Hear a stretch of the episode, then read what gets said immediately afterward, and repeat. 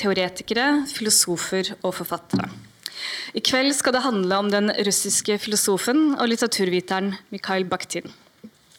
Med oss i panelet er Atle Skaftun, professor i lesevitenskap ved Universitetet i Stavanger.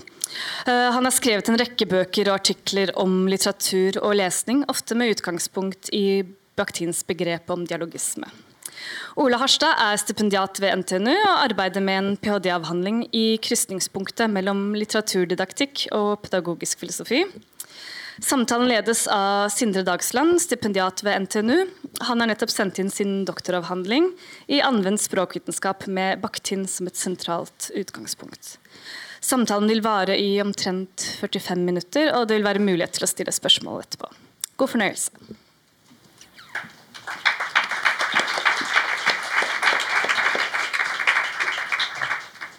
Ja, tusen takk. Jeg det på? Med, det er altså sånn at når, vi, når, jeg ble spurt om å sitte i panelet til en sånn tankegodskveld om eh, Bakhtin, så dukka tanken opp å sette ut i livet en liten eh, variant som vi har snakket om eh, ganske lenge. Som vi tre har snakket om ganske lenge. Nemlig at jeg kunne bruke dette som en anledning til å gjennomføre en uh, samtale som jeg hadde lyst til å uh, gjennomføre tidligere. Og Det er da et sånn uh, Bakhtin-seminar så vi har ofte sittet litt sånn som dette, med en øl rundt et bord. Men da ikke med publikum. Og snakket om Bakhtin uh, sitt forfatterskap og sine begreper og sånt. Og, og litt forskjellige anvendelser av baktin. For han er jo en som Ja, det er jo et litt sånn mangslungent forfatterskap. og som mange bruker til ulike på ulike vis og eh, eh, på ulike måter på tvers av fagfelt. Eh, så Derfor har vi tenkt vi at denne samtalen her skulle være en samtale om baktin og litt fra våre både litt ulike, men òg litt like ståsted. Og hvilke tekster og hvilke begreper som vi uh, syns er relevante når det kommer til baktin. Uh, så det vi skal gjøre i denne samtalen, er på et vis å snakke om eh, en del eh, begreper, men òg en del lesninger av baktin som kanskje er litt ulike på noen måter. For å nærme oss en slags sånn bredde og mangfold i forfatterskapet. og ja Og at vi har kanskje litt, noen litt ulike perspektiver på, på baktin. Eh, så vi tenkte at det, det, første vi skal begynne å snakke om, er egentlig eh, med utgangspunkt i spørsmålet hva er eh, Vi skal ta en liten runde om hva er vårt forhold til Bakhtin sine tekster. både litt om hos, hvilke sammenhenger vi har møtt Bakhtin, og hvilke eh, verk som vi har eh, både brukt, men òg syns er spesielt fascinerende. da for det er det som er Vi er veldig fascinert av Bakhtin sine, sine teorier og tanker. Eh, og kanskje òg litt eh, hvilke ulike tekster er det vi har eh, bygd på, og hvilke ulike begrep er det vi har eh, syns har vært spesielt interessante eller relevante i forskjellige, i forskjellige settinger. Så da skal vi egentlig begynne med deg, Atle. Ja. ja. Tusen takk. Og uh, tusen takk for invitasjonen og muligheten til å være med. Og uh, snakke om Baktin her på Blå. Uh, jeg har aldri vært her, men jeg har ei datter som forteller at det er en utrolig kul plass. Eh. Jeg møtte Bakhtin eh, ved kopimaskinen på Høgskolen i Stavanger i 1996, tror jeg. Eller kanskje 97. Jeg var da ferdig med hovedoppgaven min og hadde jobba med undervisning i eh, lærerutdanning for grunnfagsstudenter på Høgskolen i Stavanger. Og um, gikk og grubla med tanker om, en, eh, om et videre arbeid. Og eh, denne grublinga var litt av teoretiske natur, og litt egentlig av didaktiske natur. For det, jeg eh, opplevde det som utrolig kronglete og tungvint å formidle eh, det, stiv, det jeg oppfatter som et veldig stivbeint skille mellom forfatter og forteller. Når studenter skrev og sa at er forfatteren sier, og så skulle jeg korrigere og si nei, det er fortelleren som sier, f.eks. Um, og uh, i tillegg uh, forholdet mellom stemme og synsvinkel. på en måte. Jeg rett og slett syns det var vanskelig å formidle det i, på en meningsfull måte. Det stemte liksom dårlig med sånn som jeg sjøl opplevde uh, tekstene som jeg leste og jobba med.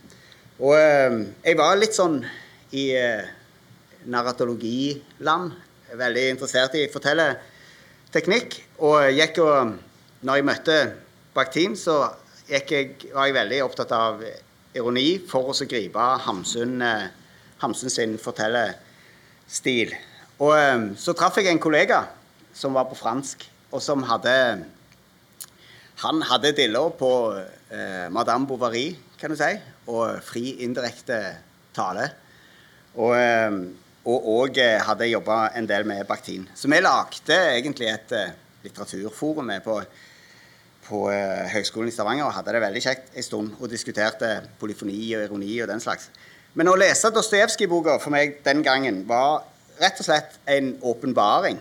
Uh, for det var noe der som ga en enorm sånn gjenklang i meg, da. Det var et svar på ting, syns jeg. En enorm fornemmelse av enkelhet, der jeg syns det var bare tilgjengelig eh, kompliserte verktøy. Og eh, fra den dagen der med kopimaskinen, så eh, gikk jeg på det som jeg blitt, ble beskyldt for når jeg senere jobba som stipendiat i Tromsø. Da gikk jeg på autorpilot. Eh, jeg ble veldig opptatt av autorbegrepet til, til Bakhtin. Eh, sånn som han eh, bruker det. Kort fortalt så er det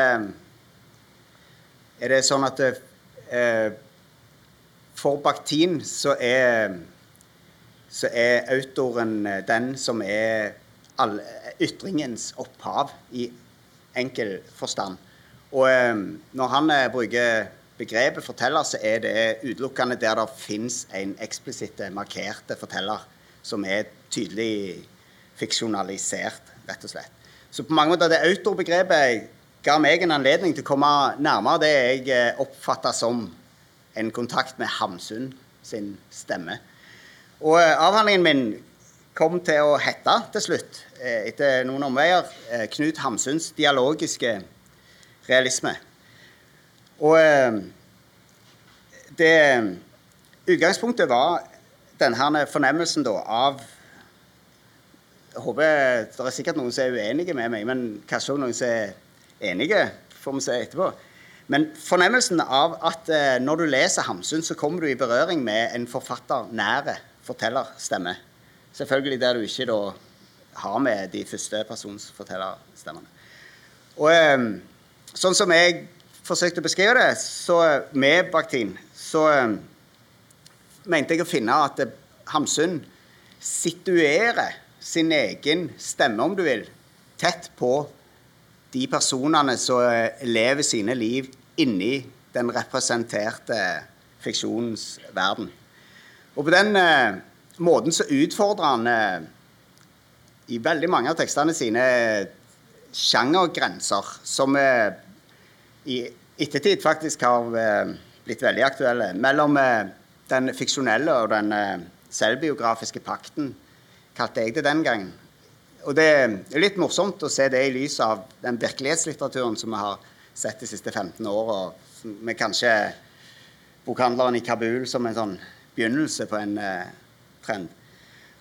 Han utfordrer grensen òg, den uoverstigelige grensen, som Bakhtin eh, kaller det, mellom skaperen sin verden, i eh, den verden som er her og nå, og den eh, verden som er skapt altså inni den språklige representasjonen av en uh, virkelighet. Jeg var utrolig heldig må jeg si, med timingen. Uh, samme våren som jeg begynte som stipendiat i uh, eh, 1999, så kom Matrix. Og det var omtrent som skolefjernsyn, altså. Det var visualisering, konkretisering av veldig mye av dette tankegodset, syns jeg. Så um,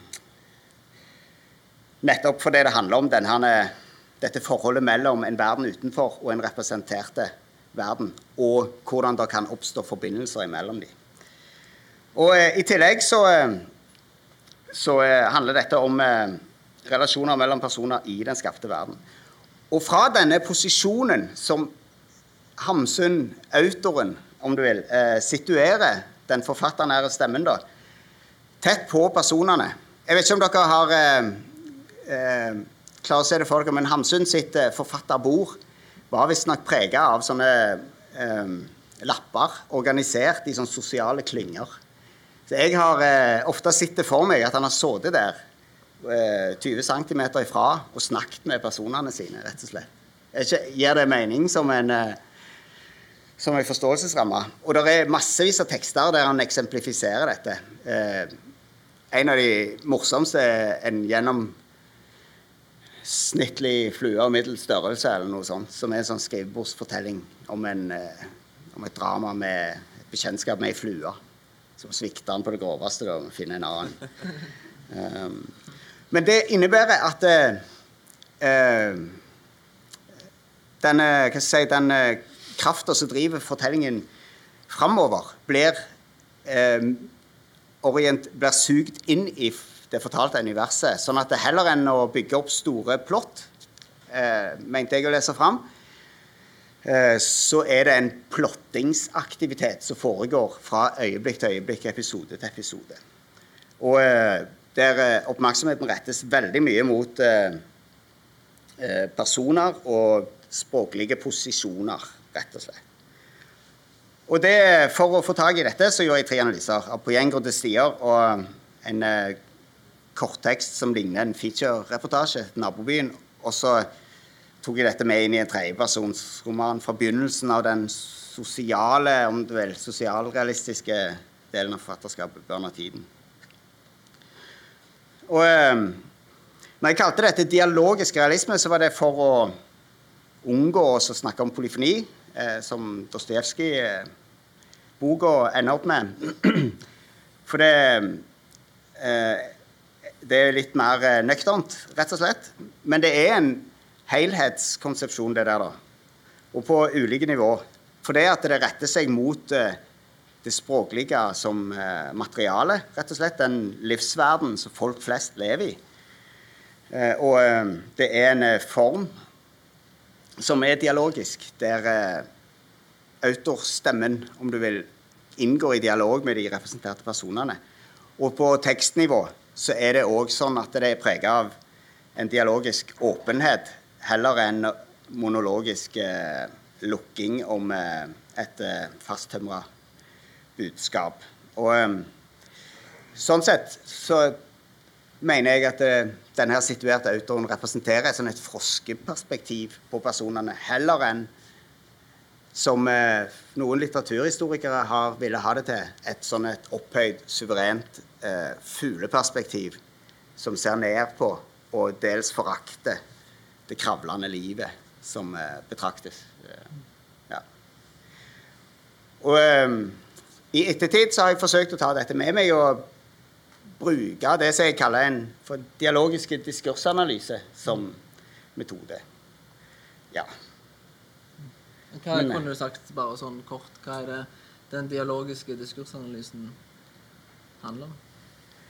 Det Jeg oppfatter det som at Bakhtin sjøl i de tekstene der han eh, Dostojevskij-boka og 'Discourse in the Novel', så eh, så er det jo eh, romanen som en representasjon av språk, om du vil. Eller som menneskelige livsrom, eh, som er saken. Og ehm, da er det eh, Da handler det om hvordan relasjoner mellom sånne språklige posisjoner, nesten, eh, blir formidla i romanen som form. Mm. Eh, rett og slett. Mm. mm. Og vi kommer jo litt tilbake igjen til de, det dialogiske ja. litt etterpå.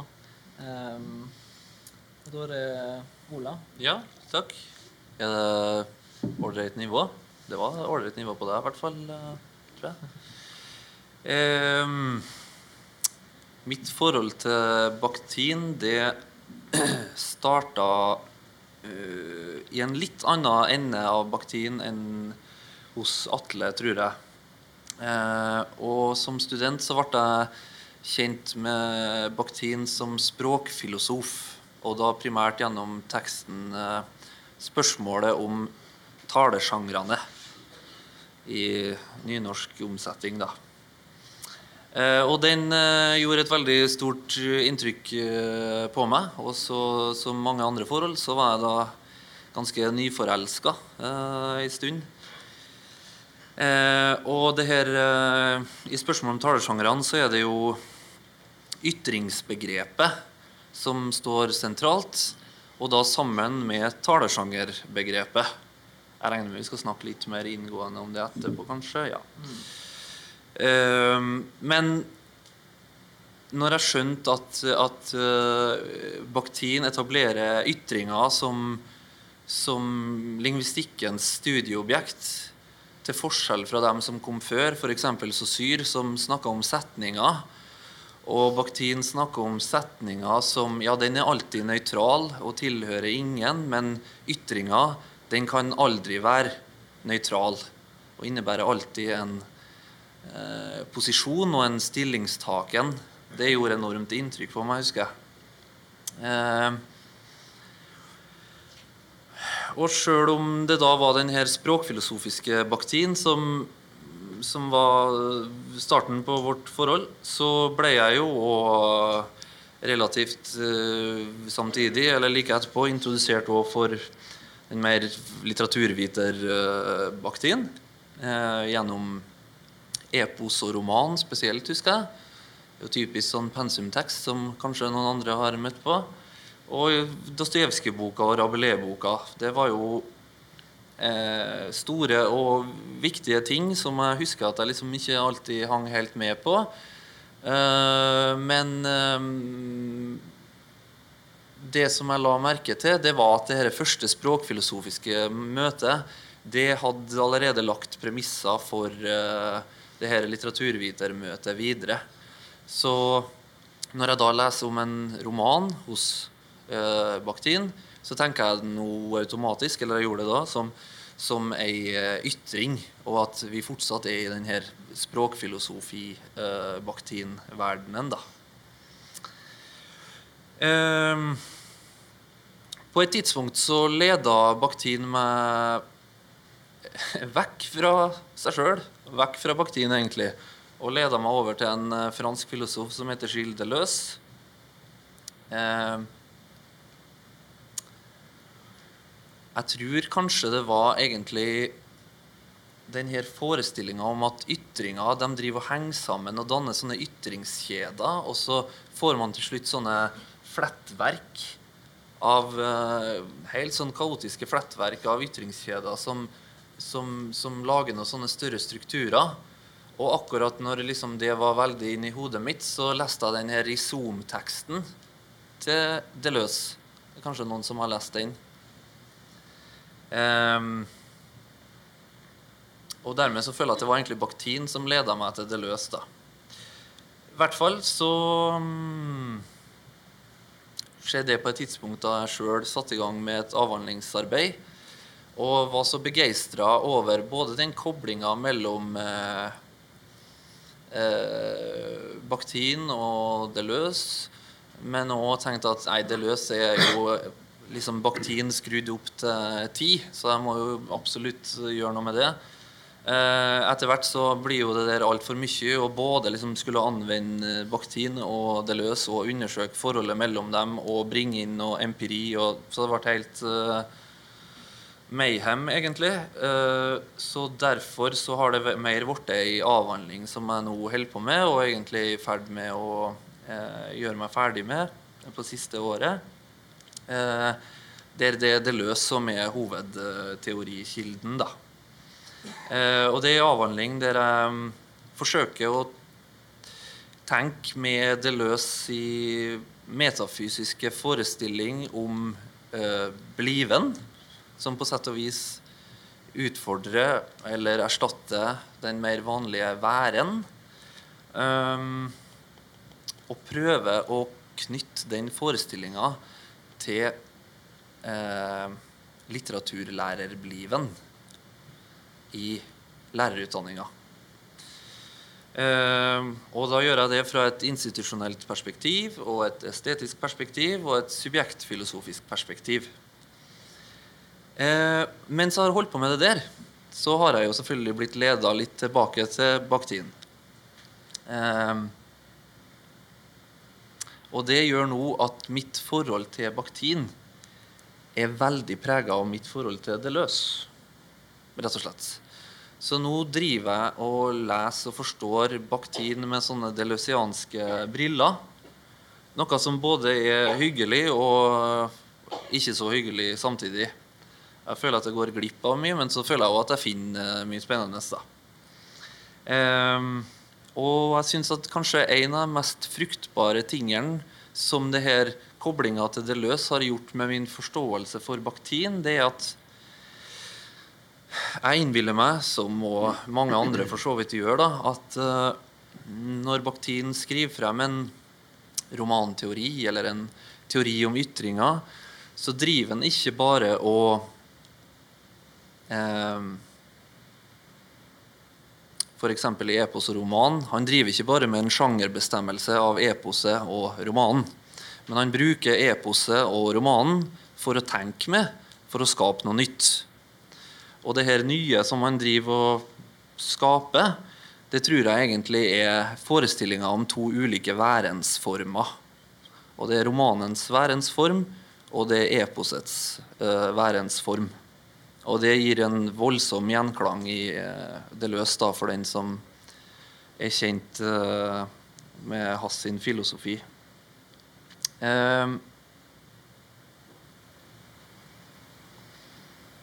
Ja Jeg Vet ikke om jeg skal si noe mer. Nei. Var det greit? Eh, Det var fint, det. Ja. Eh, vi skal komme tilbake litt til en del av disse begrepene vi introduserer eh, etterpå. Når Hensikten med den første runden er å ja, komme inn på litt ulike deler som en har eh, brukt baktin på og tenker om baktin på. Og for min egen del så der eh, Atle har holdt mye på med baktin ut fra et sånn litteraturperspektiv. I hvert fall i avhandlingen og sånt. Eh, Ola ut fra en sånn eh, språkfilosofisk eh, tilnærming, der han ser litt linjer til andre filosofer. Så var det litt på samme måte som mitt møte med Baktin starta når jeg gikk på lærerutdanningen, der det var spørsmål om talesjangeren jeg leste først i en sånn språkfilosofisk, språkfilosofisk tekst. Og så har jeg på et vis forstått mer av eh, litteraturdelen av forfatterskapet hans, mer i lys av de språkfilosofiske delene av Bakhtin. For i dette spørsmålet om talesjangrene så snakker han mye, sånn som Ole sier, om, om ytringen som eh, grunnenhet. Og ytringen sin relasjon til det han kaller for eh, talesjanger. Og sånn som jeg har brukt det, så der eh, noen kanskje vil se at Bakhtin representerer en eh, eh, dialogisme, så kaller jeg, sin, så kaller jeg Bakhtin sin eh, tenkemåte for metalingvistikk. For i de språkfilosofiske tekstene så kaller han det sjøl for eh, metalingvistikk, det han holder på med. Og det var litt som utgangspunkt i at han eh, i disse essayene at han kritiserte eh, den tradisjonelle lingvistikken for å være opptatt av, sånn som Olav var inne på, av setningen som grunnenhet. Mens Bakhtin var opptatt av ytringen som kommunikativ enhet. At ytringen, sånn som jeg snakker nå, den gjøres i en sosial kontekst. Og jeg snakker til noen. Og mottakeren av min ytring er veldig styrende òg for hvordan jeg formulerer min ytring. Sånn at jeg hadde kanskje snakket annerledes hvis det hadde vært andre tilhørere osv. Hvis det hadde vært i en annen sosial kontekst. Eh, og i det perspektivet jeg har, eh, Det var veldig sånn åpnende for min del eh, for baktin. det å tenke på alle ytringene som er Alle mulige former for ytringer som baktinske ytringer. Han skriver sjøl at en ytring kan være et enstavelsesord eller bare et au i en situasjon, og en ytring kan være en stor roman. Og at egentlig at alle disse ytringene har noen sånne noe iboende eh, ja, dialogiske eller flerstemmige på et vis og sånt. Så i mine analyser i eh, avhandlingen så har jeg brukt til at i den konkrete settingen er at elever skriver tekster på skolen. Og så har jeg sett på deres ytringer som Altså hvilke stemmer er det de går i dialog med de ytringene elevene skriver eh, i klasseromsettingen. Og sånn på et vis så har jeg forstått eh, Bakhtin ut fra en sånn tanke om at eh, når han skriver om Siden jeg da møtte Bakhtin sine tekster der han skriver om ytringen eh, først Når jeg da i etterkant har lest om eh, Bakhtins tekster om eh, romanen, f.eks., så har jeg forstått det mer som at han bruker romanen som eksempel på en ytring. Eh, eh, ja. Og så har jeg òg brukt Bakhtin på en annen måte, for jeg spiller i et eh, Noen har fått en sånn syvtommer fra band jeg spiller i, som vi la ut på setene her. Et band som heter Bakhtinians. Eh, og vi har, eh, vi har hatt et prosjekt gående i noen år nå som tar utgangspunkt i flerstemmighetsbegrepet til Bakhtin. Der vi har fått forskjellige videokunstnere til å lage eh, videotolkninger av låtene våre. Og så har vi stilt ut alle disse videoene i sånne gallerisettinger. Og så har vi sagt at konseptet er flerstemmighet. Der det er forskjellige typer ytringer på forskjellige typer språk som går i dialog med hverandre i gallerikonteksten. Så Sånn sett så er jo det en litt annen bruk av baktin òg enn den der eh, lingvistiske utgangspunktet for analyse, eller at en tar det i bruk på en eh, roman og spesifikk tekst, men er òg tenkt på noen av de begrepene til Bakhtin som utgangspunkt for at han egentlig snakker om ytringsskaping eh, generelt, og kanskje ikke nødvendigvis òg verbalspråklige ytringer. Det er jo en litt annen bruk enn enn eh, vi har snakket om, eh, snakket om her. da. Eh, og når både jeg eh, har snakket nå, Ola og Atle, så har vi så har vi jo brukt sånne begreper som eh, dialog og dialogisk og dialogisme. Og Bakhtin er jo kjent for dialogen. Så når vi hører Bakhtin, så er det jo mange som tenker på dialogbegrepet hans. Eh, så jeg tenkte hva er det Altså tenkte å, å dvele litt med det. Hva er dialogen til Bakhtin? Kunne vi ha nærme oss hva betyr dialogisk i en sånn bakhtinsk eh, setting? Så det er da neste spørsmål. Mm. Ja. Det, Ja, Er det du kan eh, Ja. forsiktige samtalepartnere. Ehm, det betyr jo Oi, det var veldig høyt. Det betyr jo ehm, gjerne forskjellige ting, og det har ehm, ehm, Noen eh, kloke Bakhtin-filologer, eh, og Emerson, har eh, forsøkt å sortere i Bakhtin sin egen bruk av begrepet dialog og peker på at det har tre betydninger. Eh, eller tre betydningsnivå. Det er På en måte så er det en, eh, er den konkrete me- dialogen mellom folk som snakker sammen, en forståelsesmodell eller en metafor for å forstå eh, rett og slett verden, om du vil. Eller eh, den kulturelle verden som vi mennesker lever i. En eh, sånn sett en sånn globale eh, dialog, om du vil. Og så handler det om eh, språket som et sånn et livsrom. Som eh, grunnleggende dialogisk. Og så er det òg eh, måten du bruker språket på, som kan være mer og mindre dialogisk. Hvis vi tar det i, i tur og orden, så er det, er det ikke helt uviktig det der med det der overordna synet på verden som eh, et skikkelig kaos, eh, rett og slett. I utgangspunktet uordna og eh, messy, som de sier da i engelske oversettelser. Bakhtin er engelske for meg eh, det er litt, så sånn sett utrolig kjekt å lese den på norsk. Det, det må jeg si, etter denne utgivelsen, som er anledningen til at vi er her. Um, så at Bakhtin på det øverste dialognivået er kaotisk? er det? Nei, han betoner at uh, verden er i utgangspunktet uordna. Um, og at uh, orden, det å skape orden, er en oppgave, som han sier. Som uh, Så det at verden er ikke finalisert, eller den er uavslutta. akkurat sånn så um, Det fins ikke noe første ord, og det fins ikke noe siste ord. Og sånn sett, Men vi skriver oss eller snakker oss inn i verden og jobber for å skape en orden. Og uh, det belyser han med Han har mange metaforer og mange innfallsvinkler til mye av den samme dynamikken. Men en av de som mange kjenner og kjenner igjen, er jo at han sammenligner det med, med et sånn et, en Tenk deg en ball som henger i en tau, og så snurrer du den rundt sånn som det der.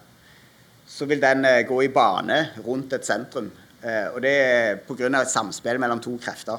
Ei kraft som virker innover mot sentrum. Eh, det er sentripetalkraften. sant? Og så har du på en måte den krafta som virker utover, som er sentrifugalkraften.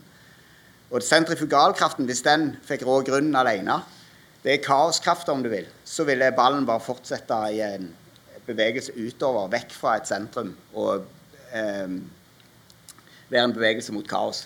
Så sentripetalkraften, mens hvis sentripetalkraften blir den eneste, så opphører all bevegelse og alt liv, på en måte. For da vil det gå inn mot, ja. inn mot sentrum? Ja. Så på en måte så har du en slags sånn kulturteori her som er avhengig av at ikke det siste ordet blir sagt. At det fins en form for åpenhet som ligner dialogens åpenhet. At det kommer en ny replikk. At du ikke vet hva som kommer, om du vil. Ja, og Grunnen til å nevne det er jo at de sentripetale og sentrifugale kreftene er noe som dukker opp i Bakhtin sitt forfatterskap. Eh, der, han, eh, der, han, skriver om eh, f.eks. ytringen eller et eller annet sånt at det er to krefter som alltid er til stede. Mm. Mm. Ja, og eh, at kaller det jo for autoritet, eller en autoritativ impuls som ønsker å ha kontroll, om du vil, og en, en, en form for åpenhet eh, som søker mot eh, likevekt. Og så er det det der med at språket er Språket som verktøy, om du vil, eller rom, er dypt og grunnleggende dialogisk. For det at det, det, det er ikke mulig å lage nye ord, egentlig. Um, selv om vi gjør det, så er det sånn at de fleste ordene allerede er brukt, rett og slett. Så er det sånn at de kommer til oss eh, sånn second hand og drar med seg eh, historien til sin egen bruk. da. Og um, uh, sånn sett så er det innenfor hver eneste ytring et samspill mellom den betydningen som ordet har sånn som eh, du kan finne den i ordboka, om du vil. Og så har du den betydningen som andre har etablert, konvensjoner, om du vil. Eh, og så har du den betydningen som jeg kan legge inn i ordet når jeg former en ny ytring. Og når jeg former en ny ytring, så kan jeg forholde meg. Så sånn sett så er språket dialogisk, og alle ytringer prinsipielt dialogiske. Fordi de står i relasjon til ja. tidligere språkbruk. Ja, sant. Altså språket som sådan er et eh, sosialt rom. Mm. Eh, og, eh, men jeg som språkbruker eller forfatter kan velge å forholde meg mer eller mindre dialogisk til, til de andre ordene som fins i eh, Eller stemmene, om en vil. Og Sånn sett så handler det på det siste nivået om eh, intensjonalitet, kan vi si. Ehm, og om autoren sin vurderende posisjon i forhold til de andre. Eller om en ønsker å la de andre slippe til. Mm. Og apropos det, så kanskje ja. Uh, nei, jeg syns det er veldig nyttig å med de her tre nivåene. Um, jeg tenker at uh, Jeg tenker at uh, for min del så er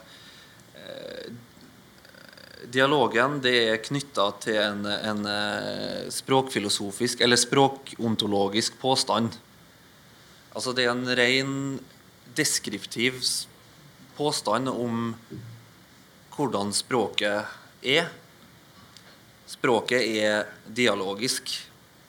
Eh, det er en sånn typisk ting som som når øh, Som jeg påpeker Hvis en eh, student eksempelvis oppfatter det her dialogiske prinsippet som en slags sånn Ja, vi, vi, vi må jo ha dialog, vet du. Altså, og vi, jeg driver jo og jobber i en pedagogisk verden, og vi er ganske raskt i klasserommet.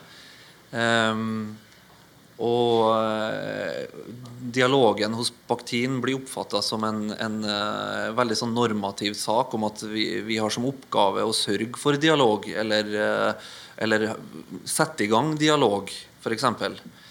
Så kommer påpekningen om at ja, men det, her er det ikke noe normativt. det er rett og slett en edruelig beskrivelse av hvordan språket rett og slett er. da. Og Det syns jeg er veldig viktig med det her dialogbegrepet. Interessant nok så viser jo det her tredje nivået at det er potensial i det her språkontologiske eh, til noe normativt. Det er et normativt potensial der. Eh, nettopp fordi at vi som språkbrukere har en mulighet til å forholde oss til det språket som er som det er, men vi har mulighet, et mulighetsrom til å forholde oss mer eller mindre dialogisk, da, for å kalle det eh, og det Det er ikke jeg god nok til å gi seg studentene eh, støtte i, når de forstår det rent normativt. da. Eh, men det skal bli mye bedre til. Helt klart. Ellers så syns jeg at dialogen er en av så her spennende begrepene som, som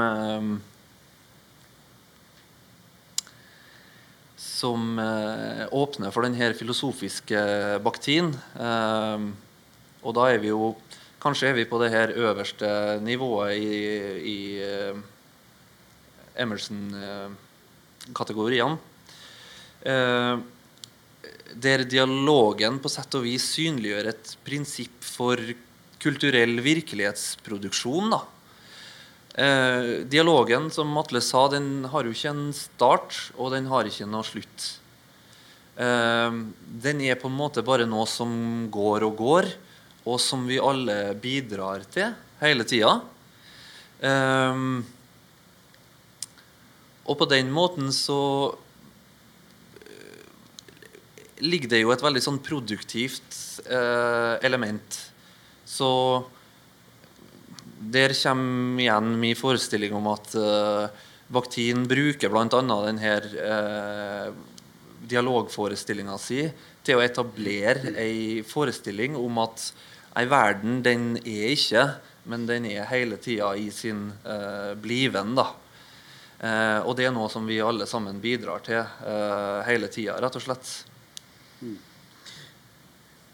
Men, det, ja, men det er jo òg litt interessant med Bakhtin sin interesse for romanen sin historie som eh, en eh, hva skal jeg si da, en slags bevegelse mot eh, stadig eh, nyere eh, former for en slags realistiske bestrebelse, rett og slett. En, eh, en, bestrebelse på å representere livet sånn som det oppleves på en adekvat måte.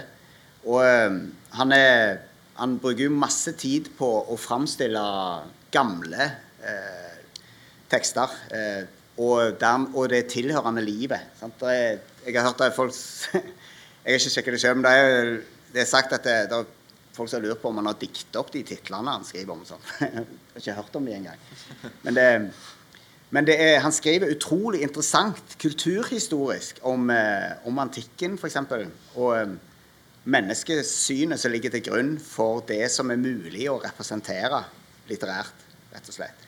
Altså et, I eh, et samfunn der mennesket det som er verdt å representere, er det offentlige mennesket. På en måte det Mennesket lever hele livet sitt eh, på overflaten, på en måte. Og dermed så er det sånn at det rom, Sjangerenes historie følger menneskene sin kulturhistorie, rett og slett. Sånn at framveksten av eh, det private livet er med å generere framveksten av eh, eh, sjangrene. Og romanen, som den eneste sjangeren som er yngre enn skrifter, er en, eh, jo den sjangeren som man da gjør til helten i dette store eh, dramaet, der eh, det handler om å finne måter å representere menneskelivet på. Og Dostojevskij på en måte er jo eh, sluttpunktet sånn sett. Når han skriver den boka der, da, så framstiller han det som, omtrent som om det er høydepunktet, eller det er virkelig eh, det å representere det individuelle mennesket fristilt eh, i eh, øyeblikket. Det er liksom Det realiseres den muligheten. Men, men, han er jo I andre sjanger så Nei, i andre studier så er det andre aspekter av menneskelivet som løftes fram. Dostojevskij-boka får ofte en sånn særegen status, og særlig når, når eh, en bruk, henter begreper fra Bakhtin og bruker i andre mm. sammenhenger. For Goethe, for eksempel, sant? han har evnen til å se historien i stedet. For eksempel. og Rabelais har jo, representerer jo noe annet igjen, da. Sant? Den her eh, fornemmelsen av eh, levende eh, folklore i mm. middelalderen. Ja. Ja. da du pratet, om Atle, så um, får jeg inntrykk av at du, du Altså med en, den romanens historie, når du snakker om det, så, så, som ei linje hos Bakhtin, så syns jeg det høres ut som at du tenker at eh, at, eh, at det er en sånn suksessivitet eller linearitet i denne dialogen og dialogforestillinga, på sett og vis. Eh, og det sier jeg fordi at jeg har tenkt nettopp på dialogen ikke som eh, lineær, Eh, og i hvert fall ikke med en start eller slutt. Der er vi nå uansett eh, enige, da. Eh, men nettopp som sirkulær i stedet for. Og jeg tenker at i dialogen så er jo gjentakelsen av det samme altså Ja, ei ytring, eller som en roman f.eks., er jo noe helt unikt. veldig viktig. Så det er noe nytt, og det er noe helt unikt. Men det er samtidig eh, Eh, en gjentakelse. Og det er derfor jeg tenker på det som sirkulært. da. Um, og at dialogen nettopp blir til som en spiral eller et eller annet som bare blir større og større. Uten start og uten slutt, men likevel mer som en spiral som ekspanderer. Og virkelighetsproduksjonen blir større, dialogen blir utvida, fremfor en sånn lineær sak. da. Jeg vet ikke hva du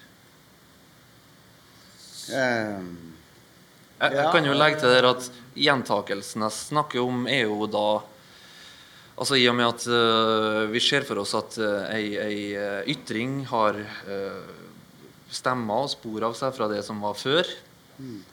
samtidig som at det kommer til uttrykk på en helt ny måte. Da har du på en måte en gjentakelse av det samme, eller der det samme returnerer til seg sjøl som noe forskjellig hver gang. Og det kan man se for seg som en sånn Ikke som en sirkel, men som en sirkulær bevegelse. Da. Ja, det er som det er òg som er med Bakhtin sitt ytringsbegrep og dialogbegrep vi snakker om nå, nemlig at det handler om at enhver en ny ytring står i dialog med både fortidige ytringer, men òg eh, fremtidige ytringer. Og at på et vis at sjangeren skapes gjennom nye ytringer som legges til.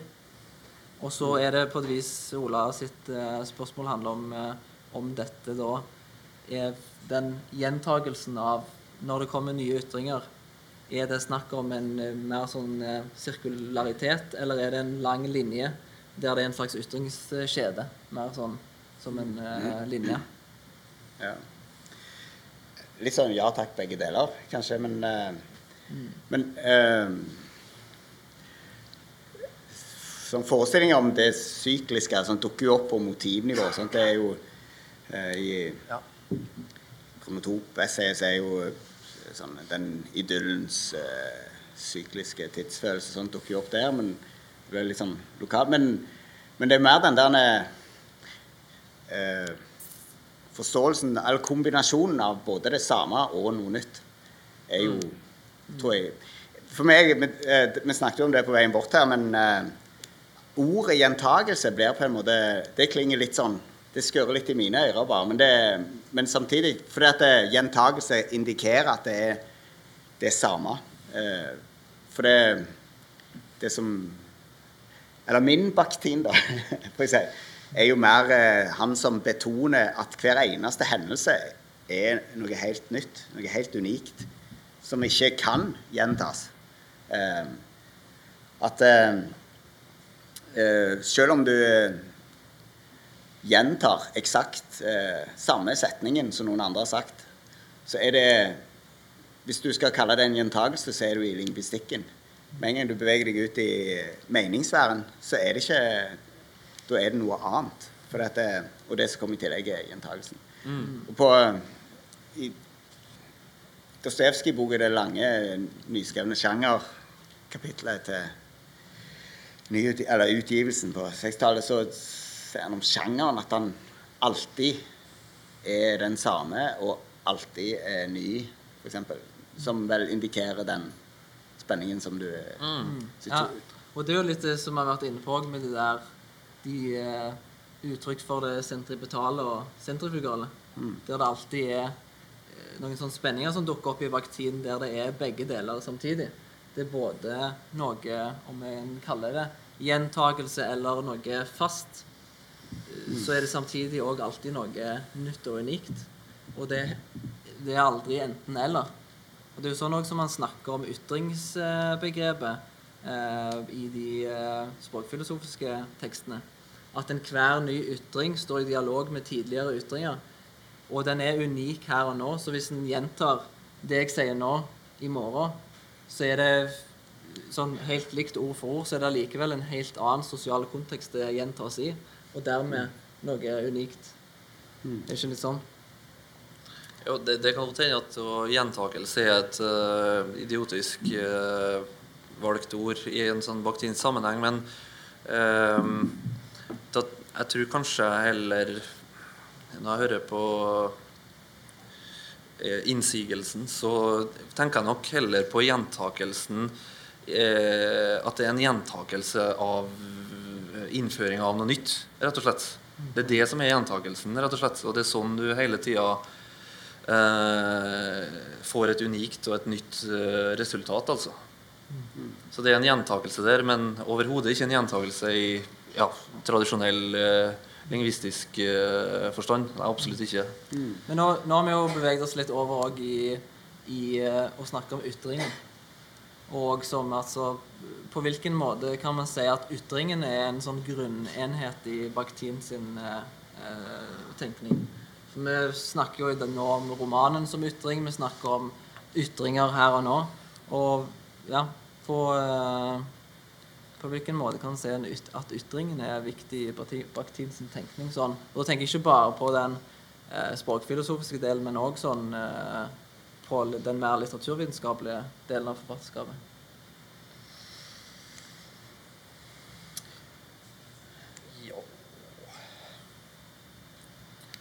Ehm, ja, du har jo sagt litt om det sjøl, egentlig. At eh, eh, Om din egen vei til praktikken, da. At eh, eh, for deg så gikk det fra studiet av ytringen til romanstudiene. Ehm, jeg, har, jeg har alltid tenkt at eh, det talesjangeressayet er jo skrevet eh, på 60-tallet og kom jo senere. Sånn at, Og de store romanstudiene ligger bak den. Så jeg har alltid tenkt det som at han, det er mer en sånn allmenngjøring av noen sånne innsikter som han har eh, først eh, først knytta til Dostojevskij, og skrev fram Dostojevskij som en eh, en helt, om du vil, da, som realiserer det, det dialogiske øyeblikket i, i romanen som form. Og så eh, og sånn sett så kan du si han er på det der konkrete nivået. Sant? At det, eh, for det Dostojevskij gjør, at han finner en, en ny måte, en ny helhetskonstituerende posisjon å være forfatter fra. Hvis det gir det mening? Er med på det? Altså, hva, hvis du har eh, Forfatterrollen i forhold til det representerte universet er noe som Bakhtin er veldig opptatt av i mange av eh, studiene sine. Sant? Og det, Tolstoy eh, representerer gjerne denne allfaderlige, eh, kjærlige, kjærlige, faren som har omsorg for alle sine personer og representerer dem på den måten. Mens eh, Dostojevskij stiller dem fritt. Sant? Og omtrent Og eh, Bakhtin legger ikke skjul på den religiøse metaforikken. da, sant? Det er nesten Han spiller på at eh, menneskene får fri vilje. da, Og at de fristilles fra forfatteren. Og at, de, at forfatteren ikke har eh, noen ess i hjernen eller ikke besitter det siste ordet om personene, hvem de er og sånn. Mm. Og, det er, og det er en en eh, en måte å skape eh, representere helhetlige univers på, som er nye med Dostojevskij. Og så går han videre til å vende seg mer mot sant? at det er noe allment i det som gjelder eh, mye mer enn Dostojevskij. Og så følger han ulike linjer i romanens historie og finner ei linje som peker fram mot Dostojevskij, som trekker det tilbake til sokratiske dialoger og menipeiske satirer og en lang sjangerhistorie. Mm. Um, Hvordan er den oppe i ytringen? Um, og så um, kan du på en måte Og så har han jo i Discourse and Novel uh, f.eks. når han da uh, løfter fram uh, talende personer som er helt vesentlige elementer i romanen, så gjør han en lang ekskurs ut i hverdagsspråket og snakker om de midlene vi har i hverdagsspråk, rett og slett, til å, til å formidle hva andre har sagt, rett og slett. Eh, vi kan eh, Og eh, vi snakker da om sånne elementære former som direkte sitat og indirekte sitat, og, og, særlig sånne frie sånne kombinasjonsformer, sant, der det er mer uklart hvem som egentlig sier hva. Eh, Eh, og eh, når han eh, kommer til talesjanger-essay, så akkurat som han så han allmenngjør det ned til den minste ytringen. At du Det er ikke lenger et helhetlig en helhetlig representerte verden eh, i en form av en kunstnerisk utarbeidet roman, men til og med den minste ytringen skapt av et menneske representerer på en måte potensielt et sånn sosialt univers. da. Mm. Og din mann, Volosjinov, eh, snakker vel om eh, Kaller det eksplisitt for en sosiolog. Etterlyser en sosiologiske poetikk. Gjør han ikke? I eh, Ja, hva er det den heter? Poetry and Hva heter den? Marxism and uh, philosophy Nei, nei, det er en kort ja, jeg, Nei, formalism and uh, Medvedev, det er du sikker på? Discourse in life and in poetry eller noe sånt. Er det? Nei, det står litt stilt. Men Vanneri kan finne meg. Mm. Så han beveger seg på et vis fra romanen og mot ytringen? Ja, jeg, jeg tenker det. Og dermed at det um, mm. Mm. Men du har jo lest det Jeg har lest det andre, andre veien. Mm. Så jeg har begynt med ytringen og tenkt når jeg kommer til litteraturverkene hans, at mm. Eh, ja, men det er jo litt lignende at, jeg, at en har sett på At en ser på romanen som en ytring. Mm. Eh, som et eksempel på en, eh, en flerstemmig ytring. Som ja. da Altså alle ytringer har bærer i, med seg noen stemmer av tidligere i større og mindre grad, i sånn eh, dialogisk eh, sett. Men bare sånn, det er noen ting der òg som, som sikkert er litt kontroversielle, og sikkert noen er uenig i. For det, jeg for min del har alltid sett det som meningsfullt å så forfølge det der likhetsperspektivet, altså overføringsverdien mellom eh, representasjonsspørsmål i romanen og hverdagsspråket. At nettopp den, den der resonansen med erfaringer som eh, er dypt menneskelige fra hverdagslivet, er, det, en menings, eh, det har vært meningsfullt. Mens det er òg mulig å opprettholde et, sånn et, et mer sånn prinsipielt skille mellom kunstneriske representasjon av eh, diskursive soner, om du vil, personer, og det å gjengi de mm. Men Men de er jo heller kanskje ikke helt sånn ut, De utelukker jo ikke hverandre nødvendigvis heller. Altså det du sier om uh, uh, det rent menneskelige, det er noe sånn Det kjenner jeg meg igjen i, i den form at jeg finner Bakhtin sin teori, eller ulike teorier, som veldig sånn intuitiv. Og jeg tror rett og slett at eh, den her menneskelige erfaringa vi alle bærer med oss, den klinger med det Bakhtin skriver om, altså. Eh, så kan vi jo likevel enten opprette og opprettholde et skille mellom eh, det hverdagslige språket og det kunstneriske språket, mm. eller rive det ned, for så vidt. da. Og nå er vi jo litt over i det som vi tenkte å eh, Som en slags sånn ja. Kan jeg bare legge til en ting om ytringa? ja, vær så god. Jeg syns det er en viktig ting vi bare må få frem. Eh, Jeg har satt strek under uh, til og med.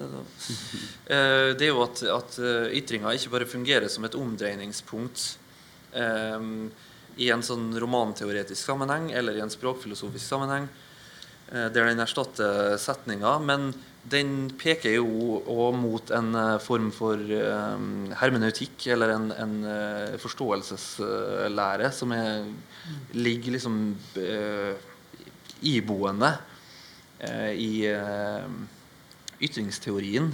Eh, og fordi et av kjennetegnene på ei ytring, det er jo at den eh, er mulig å svare på. Eh, og på det viset så er jo det å forstå eh, språkbruk, forstå ei ytring, det er jo å kunne innta en svarende posisjon til henne, sier jo eh, Bakhtin.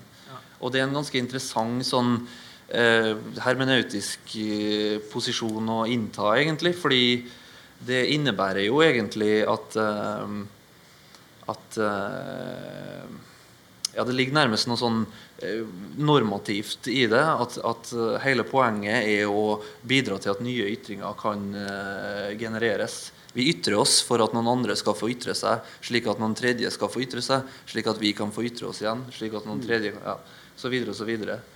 Så det er en veldig sånn produktiv eh, hermeneutikk som ligger i hele ytringsteorien, da, tenker jeg. Ja, og det er jo òg noe som går på tvers av om en snakker om ytringen som en ytring her og nå, eller om en snakker om ytringen som en roman.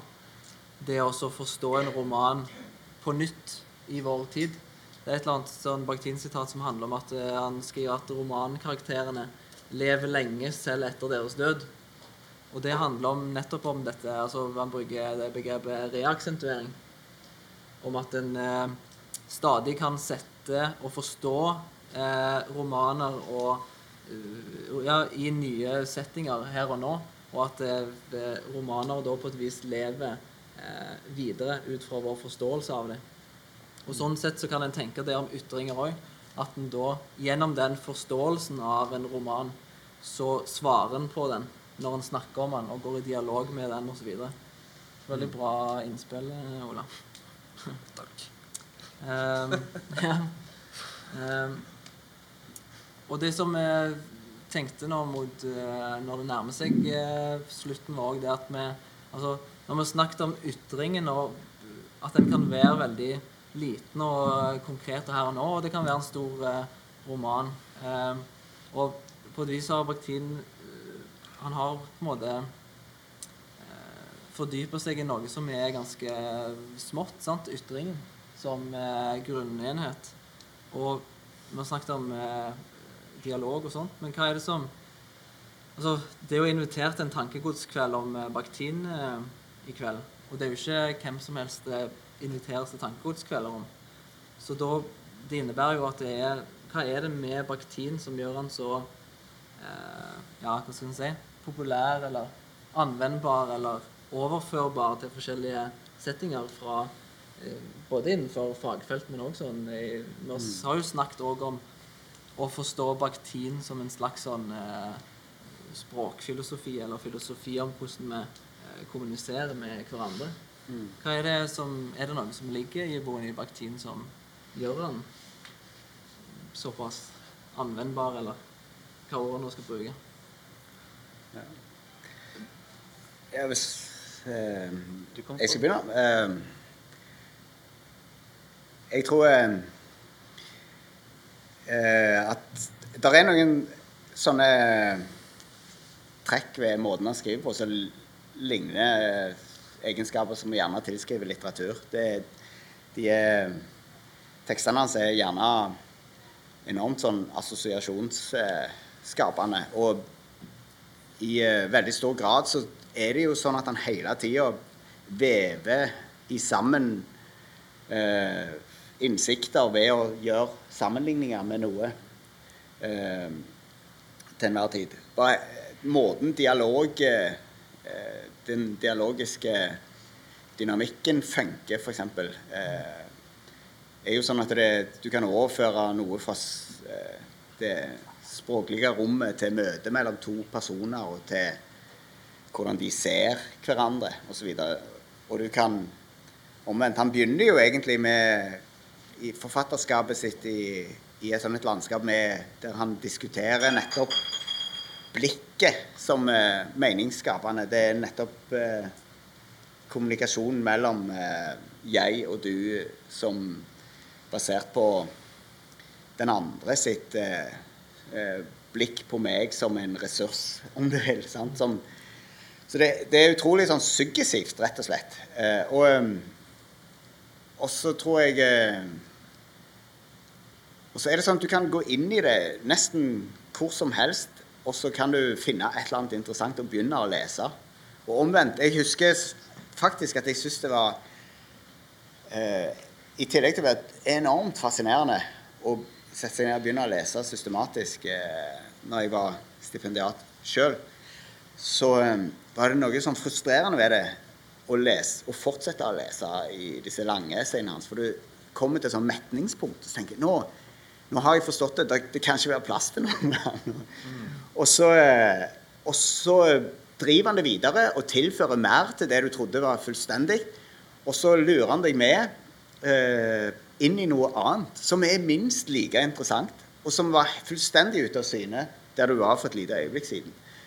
Så det, det er enormt rike tekster, og sånn sett òg komplekse tekster og vanskelige å systematisere. Så jeg tror i det ligger det en kompleksitet som er lett å bli forelska i. Eh, lett å gjøre assosiasjoner av. Og, og, og mange får assosiasjoner til andre felt, tror jeg. Sånn. Så, så det er nesten lett å bruke altså, Bare fordi det er så flertydig på et vis?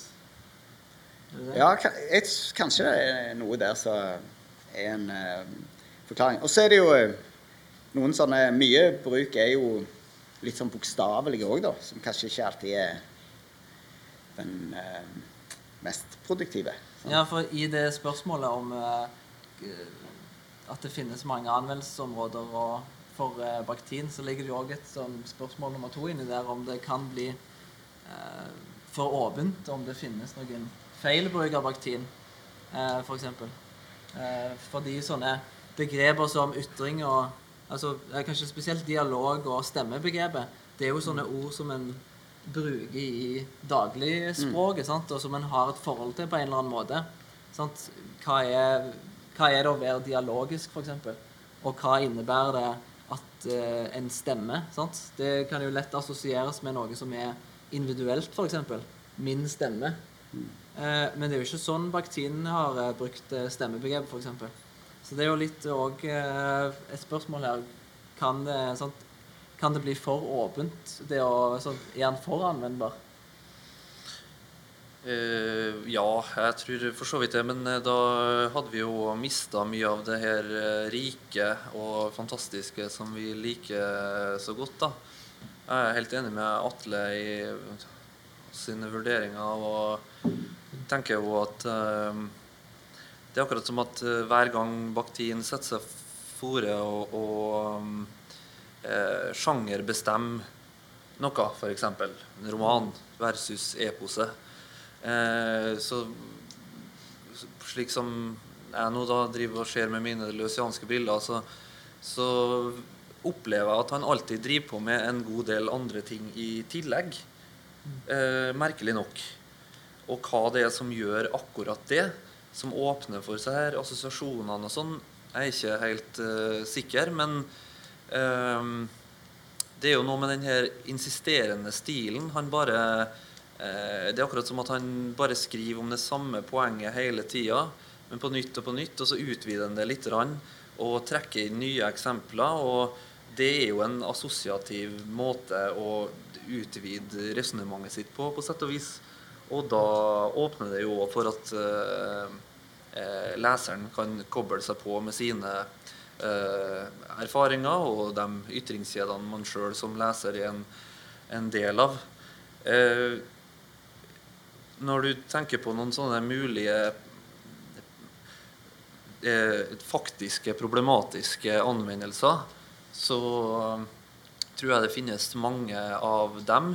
Men det er litt vanskelig ofte å sette seg til doms over dem òg. Mm. Eh, slik som vi nå starta hele samtalen her, så er vi jo veldig opptatt av ja, hva er ditt forhold til baktin, og hva slags perspektiv er det liksom du ser det fra? Og, og, alle har jo på en måte sitt perspektiv. Og hvordan kan noen da si at uh, ja, men uh, det, det, det, det, er feil bruk? Mm. Uh, en mulighet til å sette seg til doms over det, det er jo å etterspørre konkrete eksempler.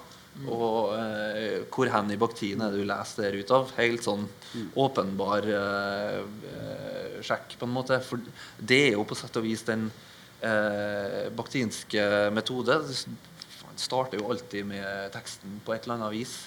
Eh, og det er klart at en eller annen abstrakt et abstrakt dialogbegrep som liksom bare svirrer rundt, som ikke forankres i eh, konkrete bakteriske verk noe særlig, det går det jo an å liksom eh, være oppmerksom eh, på, da. Jeg tror eh, For min del så er det Kanskje med, når vi nærmer oss slutten, skal på, um, For min del er det meningsfylt å minne om den fascinasjonskrafta som ligger i forfatterskapet. For meg handler det om at det er en sånn rik sånn resonans. Eh, det er så assosiasjonsskapende, rett og slett. Jeg syns det eh, der er ei, ei svær forståelsesramme som klinger med når han eh, beveger seg mm. framover. Sånn at du får en følelse av å forstå komplekse fenomener. Rett og slett. Han er rett og slett utrolig god. Men det å bruke det er ikke nødvendigvis så lett. Sant? For det kan det kan fort bli eh, så Enkelheten ligger i gjenkjennelsen. Men å ta det i bruk sjøl er ikke nødvendigvis lett. Eh, det kan bli for enkelt. Det er to feller. Du kan eh, forenkle det og miste den der forståelsesdybden. Mm. Eh, og den eh, kompleksiteten. Ja. Mm. Eh, at det bare blir overflatiske begreper med en tilsynelatende likhet. Eller du kan gjøre, gå i annen felle, som er å gjøre det for vanskelig og så på en måte kom, ja, Eller mm. som om det er ment å være vanskelig. Mm.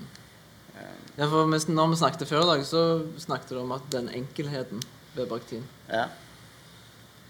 Ja, eh, jeg, jeg, tenker at når du får de der kicka, så er det fordi en, en slags eh, fornemmelse av at det er enkelt.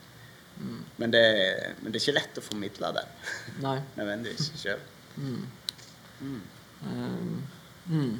Og så, ja, og da er vi jo inne på egentlig avslutningen at eh, og jeg tenkte For å avslutte så hadde du Atle hadde noen eh, interessante tanker om eh, Som på et vis oppsummerer en del av det viktige som vi har snakket om nå, med dialog og sånne ting. Som handler litt om eh, krenkelse. Med krenkelse som eksempel. Um, og dette krenkebare, holdt jeg på å si. Ja, det var et eksempel på um, en sånn uh, En situasjon der en virkelig kan uh, forstå det subtile dialogiske spillet som kan uh, være på gang i bitte små signaler, rett og slett. Eller i kommunikasjonssituasjoner. Og på mange måter en bitte liten sånn en situasjon som de fleste sikkert vil kunne kjenne seg igjen i, så en har en et eksempel som rommer veldig mye av hele dialogfilosofien i et sånn mikroformat. Rett Og slett. Og at det, det, å, det Bakhtin gir oss, er redskaper til å analysere fram de mekanismene som er i spill i sånne situasjoner. Mm.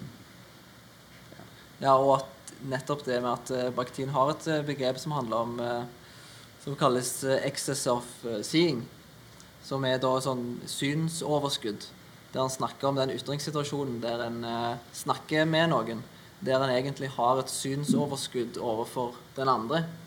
Og der en eh, Altså sånn at måten jeg Altså, jeg ser Atle på en måte han ikke kan se, se seg sjøl på akkurat nå, i denne situasjonen. Så sånn sett så har vi et synsoverskudd overfor hverandre og et slags sånn ansvar nesten for vår egen ytring i det å så forstå den andre eh, og ta vare på noen sånne perspektiver. Kanskje det som snakker litt om. Mm. Mm. Mm. Eh, og dette med at en da At eh, kompleksiteten Altså at en må ta vare på kompleksiteten i, i ytringssituasjonen. Mm. mm. Mm. Yes. Da eh, ser jeg at tiden er gått ut. Da åpner vi litt for eh, spørsmål og sånt. Mm. Hvis det er noen, da. Ja, vær så god. I Bakins uh, bøker, uh, f.eks. e-post og roman og snakker han jo hele tiden om monolog. Han uh, kontrasterer romanen i Epos roman, som er en romanen er en dialogisk sjanger som han kontrasterer mot de monologiske sjangrene, som da er Epos og de andre eldre sjangrene, tragedien mm. og andre man snakker om.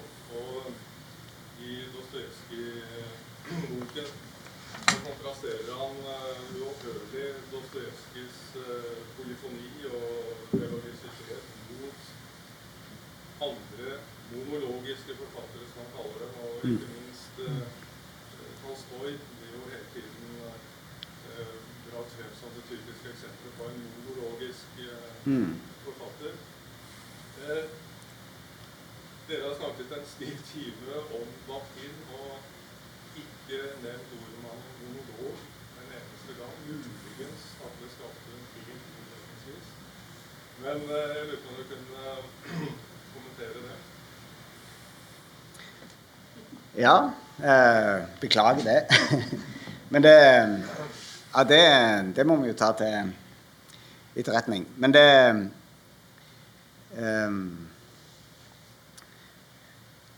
I uh, Dostojevskij Dostojevskij-boka så er han på en måte veldig opptatt av å fremme Dostojevskij som en eh, dialogisk forfatter, og dermed å, å, å lage et eh, monologisk motbilde.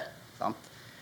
Som han eh, kontrasterer mot. På samme måte er det Jepos roman. Der er, der er romanens åpenhet satt opp imot eposet eh, som lukka. Eh, Knytta til ei tid som er avslutta, som ligger i ei avslutta fortid som det er umulig å forholde seg til. Til forskjell fra den åpna tida til romanen osv. Um, ehm, og det og der er sånne impulser hos Bakhtin til å, til å, eh, til å favorisere den dialogiske polen. Um, det er jo de som mener uh, Emerson eh, sier det veldig sterkt. De betrakter karnevalboka, eller Rabelais-boka, som kanskje det De liker ikke den, for å si det sånn. I den boka sier of Prosaics sier at det der henfaller han til feiring av eh, dialogens åpenhet. Eh, på en måte som gjør nettopp at eh, den balansen som tross alt er der i mange andre tekster, forsvinner. Eh, og eh, jeg nevnte dette bildet med spelet mellom sentripetal og sentrifugal kraft. Det, det er en veldig god eh, metafor som nesten rommer en sånn en kulturteori. Jeg skulle ønske ledelsen på universitetet vårt for eksempel, kunne tenkt litt gjennom liksom, hvordan den kunne komme til anvendelse. Men, um, men, det, det er et veldig godt eh, spørsmål. Det, det, eh, og så er det jo òg sånn at eh, hvis du I 'Autor og helt', eksempel, så, så er jo Tolstoy framstilt på en helt annen måte. eh, Ikke som monologisk eller problematisk monologisk, men nettopp som en garantist, en faderlig garantist for den helhetlige meninga.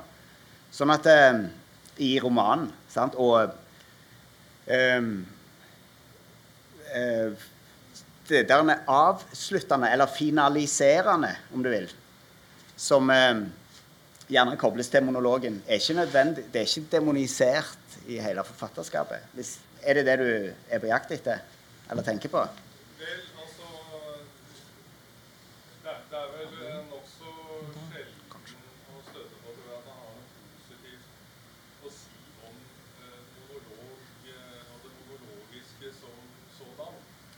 Mm. Eh, eh, jeg tror vi kan relatere egentlig eh, dikotomien mellom dialog og, og monolog med det sentimentale og det sentrifugale. Der, eh, der det sentimentale muligens er den eh, monologiske kraften i språket. For det monologiske elementet er jo hele tiden til stede i, i språket. Mm.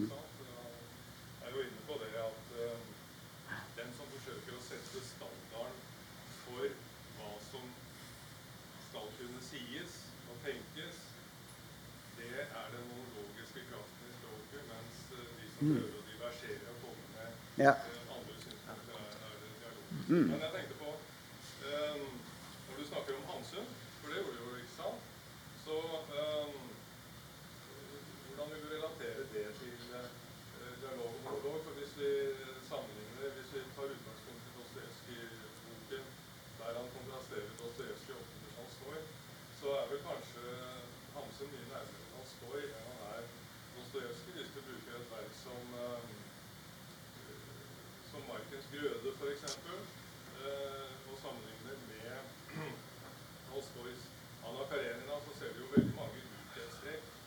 Nemlig eh, det at i begge de to verkene så vil du ha en overordnet forfatter som bestemmer hva som er godt, og hvem som eh, Altså hva som er godt, og hva som er vondt, eller hva som er godt, og hva som er dårlig. Sånn at eh, i Anna Karenina så har du f.eks. en helt som Ljovin, som representerer eh, positiv, det gode, og du har Isak Sellandrå i, eh, i Markens grøde, og så har du Brede, som representerer det dårlige Mm. i Markens grøde, og du har eh, Brodskij i, i eh, Anna Karenina, f.eks. Mm. I begge tilfeller så har du en forfatter som bestemmer dette, hva er godt og hva som er dårlig, som har skapt et ordnet eh, univers. Mens det er nettopp det i, i følgepartiene, altså, selv om jeg ikke er enig i det, så har du ikke dette. Du har fravær av det. Du har en forfatter som selv setter seg på samme nivå som karakterene i, i sitt verk. Mm. Men eh, jeg lurer på om du har gjort deg noen tanker om det. altså Hvor ligger da i denne sammenhengen det dialogiske elementet i Mm. Er monologisk?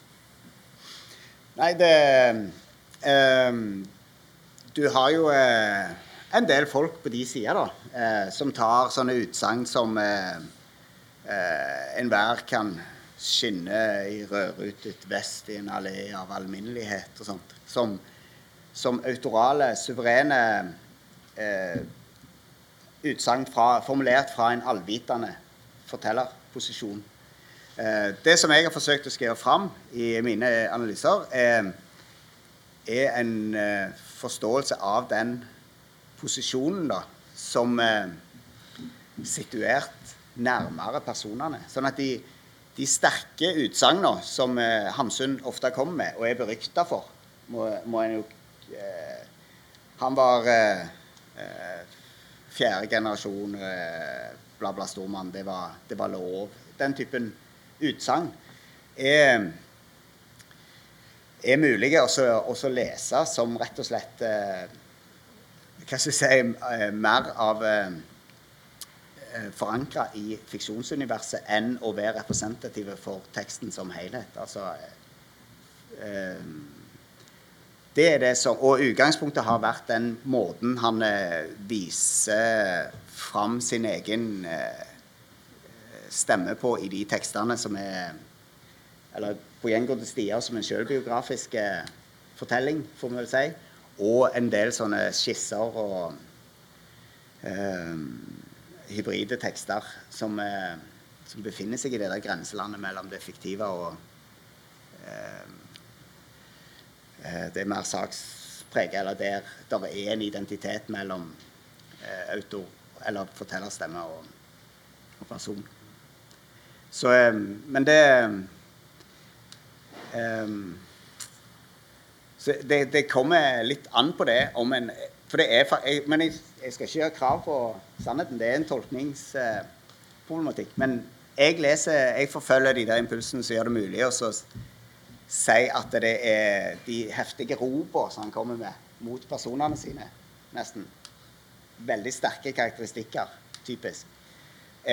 Det, de får en annen status hvis de er formulert fra et froskeperspektiv, om du vil, tett på, enn om de er formulert fra en suverene, allvitende fortellerposisjon. Det har vært eh, tanken. Og det handler om hvorvidt de er eh, monologiske, autoritative utsagn eller skrevet inn som eh, en posisjon, blant annet. Men eh, det er åpent for diskusjon. du hadde en eh, kommentar til eh, Ja. Eh, ikke så mye å supplere, i hvert fall ikke som dreier seg om romanen, men det var et veldig godt spørsmål, syns jeg. Og vi burde jo absolutt ha snakka mer om eh, monologen når vi snakka så mye om dialogen. For de virker jo helt klart alltid sammen. Um, og hvis vi setter romandiskusjonen litt til side og tenker litt mer på sånn som vi snakka om dialogbegrepet i en mer sånn kultur På et kulturelt nivå, da. Ehm, eh, så var det jo, som vi vel var inne på, at ja, Språket er jo dialogisk, men så bruker vi av oss et, et mulighetsrom vi har som, som, språkbrukere, og vi kan monologisere språket. Og det er jo noe som vi er omgitt av hele tida i kulturen. Så f.eks. En, en, en stat vil eksempelvis være ganske monologisk i sin kommunikasjon. Um, og jeg syns, som dere har vært inne på, at, at i romansammenheng så er jo åpenbart at det er liksom Det er den dialogiske romanen som, som bejaes. Mens den monologiske og sjangrene, f.eks. eposet, det blir litt mer sånn Ja, det er ikke helt topp, da, ifølge Bakhtin. Men jeg tenker at i en sånn kulturell sammenheng så er jo den, det monologiske og de monologiserende kreftene de er ekstremt viktige. For uten dem, så ville, altså hvis de har noe offisielt ved seg eh, Så uten det offisielle, så heller ingenting uoffisielt. Så det er et eller annet av kraften i denne eh, dialogen, i et sånn kulturperspektiv, eh, så er det ekstremt viktig at det eksisterer noe monologiserende som faktisk er majorit, det majoritære, altså, rett og slett. Uh, og det er klart at det dialogiske I Rabelais-boka så er jo kanskje latteren et sånn dialogisk element i en større monologisk sammenheng. Og det er klart at latteren er et marginalisert, lite fenomen Men det er nettopp det her eh, bitte lille som et lite alternativ, og noe sånn underjordisk nærmest, eh, som gjør at det òg har en voldsom kraft i, under et, et eh, monologisk alvor og tyngde. da. Så, men vi burde absolutt ha prata mer om det. Ja. Når eh... det Ja, vi får beskjed at vi skal snart avslutte. Nå? Ja, OK. Det er greit. OK. Men eh, vi er nå her etterpå hvis det er andre spørsmål som en vil snakke om. Mm. Det var veldig hyggelig å være her. Takk.